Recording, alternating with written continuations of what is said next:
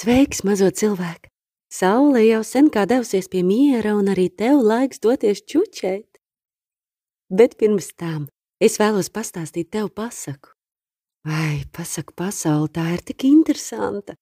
Reizēm pasakas ir gudras, reizēm skumjas, reizēm jautras, priecīgas. Es ceru, ka tev patiks. Nu tad aiziet! Sākam!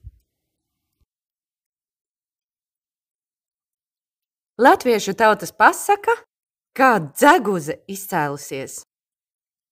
Kāda meita iet ezerā mazgāties, velns iznāk no ūdens apakšas, sagrāb meitu pa vidu un norauj sev līdzi dibenā līdz lieliem dzels vārtiem.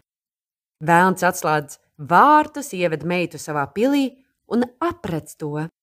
Tā nu paiet daži gadi, reiz vēlna sieva iedomājās ar saviem diviem bērniem puiku un meiteni, tēvu virs zemes apciemot. Bet vēlns ātrāki nelaiž, kamēr zelta ratiņš vērpjot tik daudz sadilšot, ka priekš vērpšanas nederīgs.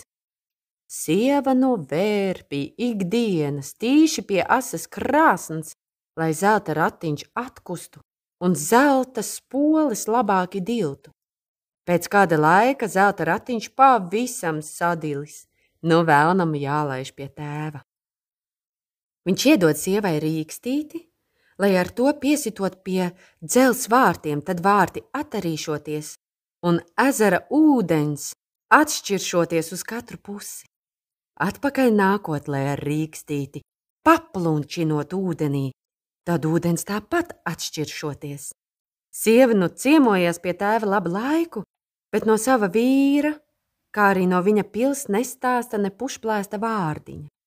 Tēvs meitai arī neko neuzbāžās par to, bet tai vietā labāki izprašina abiem bērniem visu uz to smalkāko.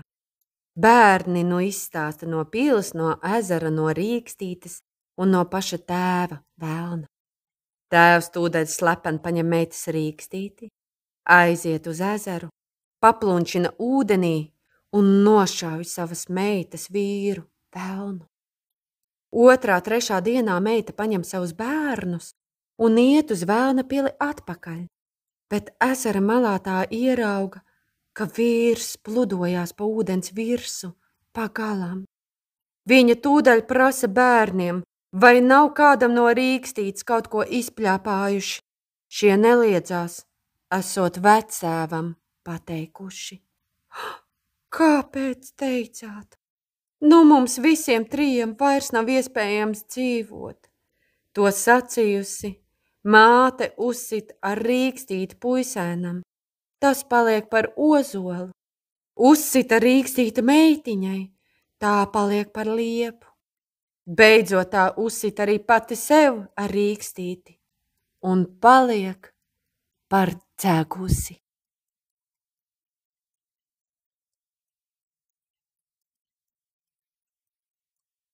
Saldu miegu, mazo cilvēku.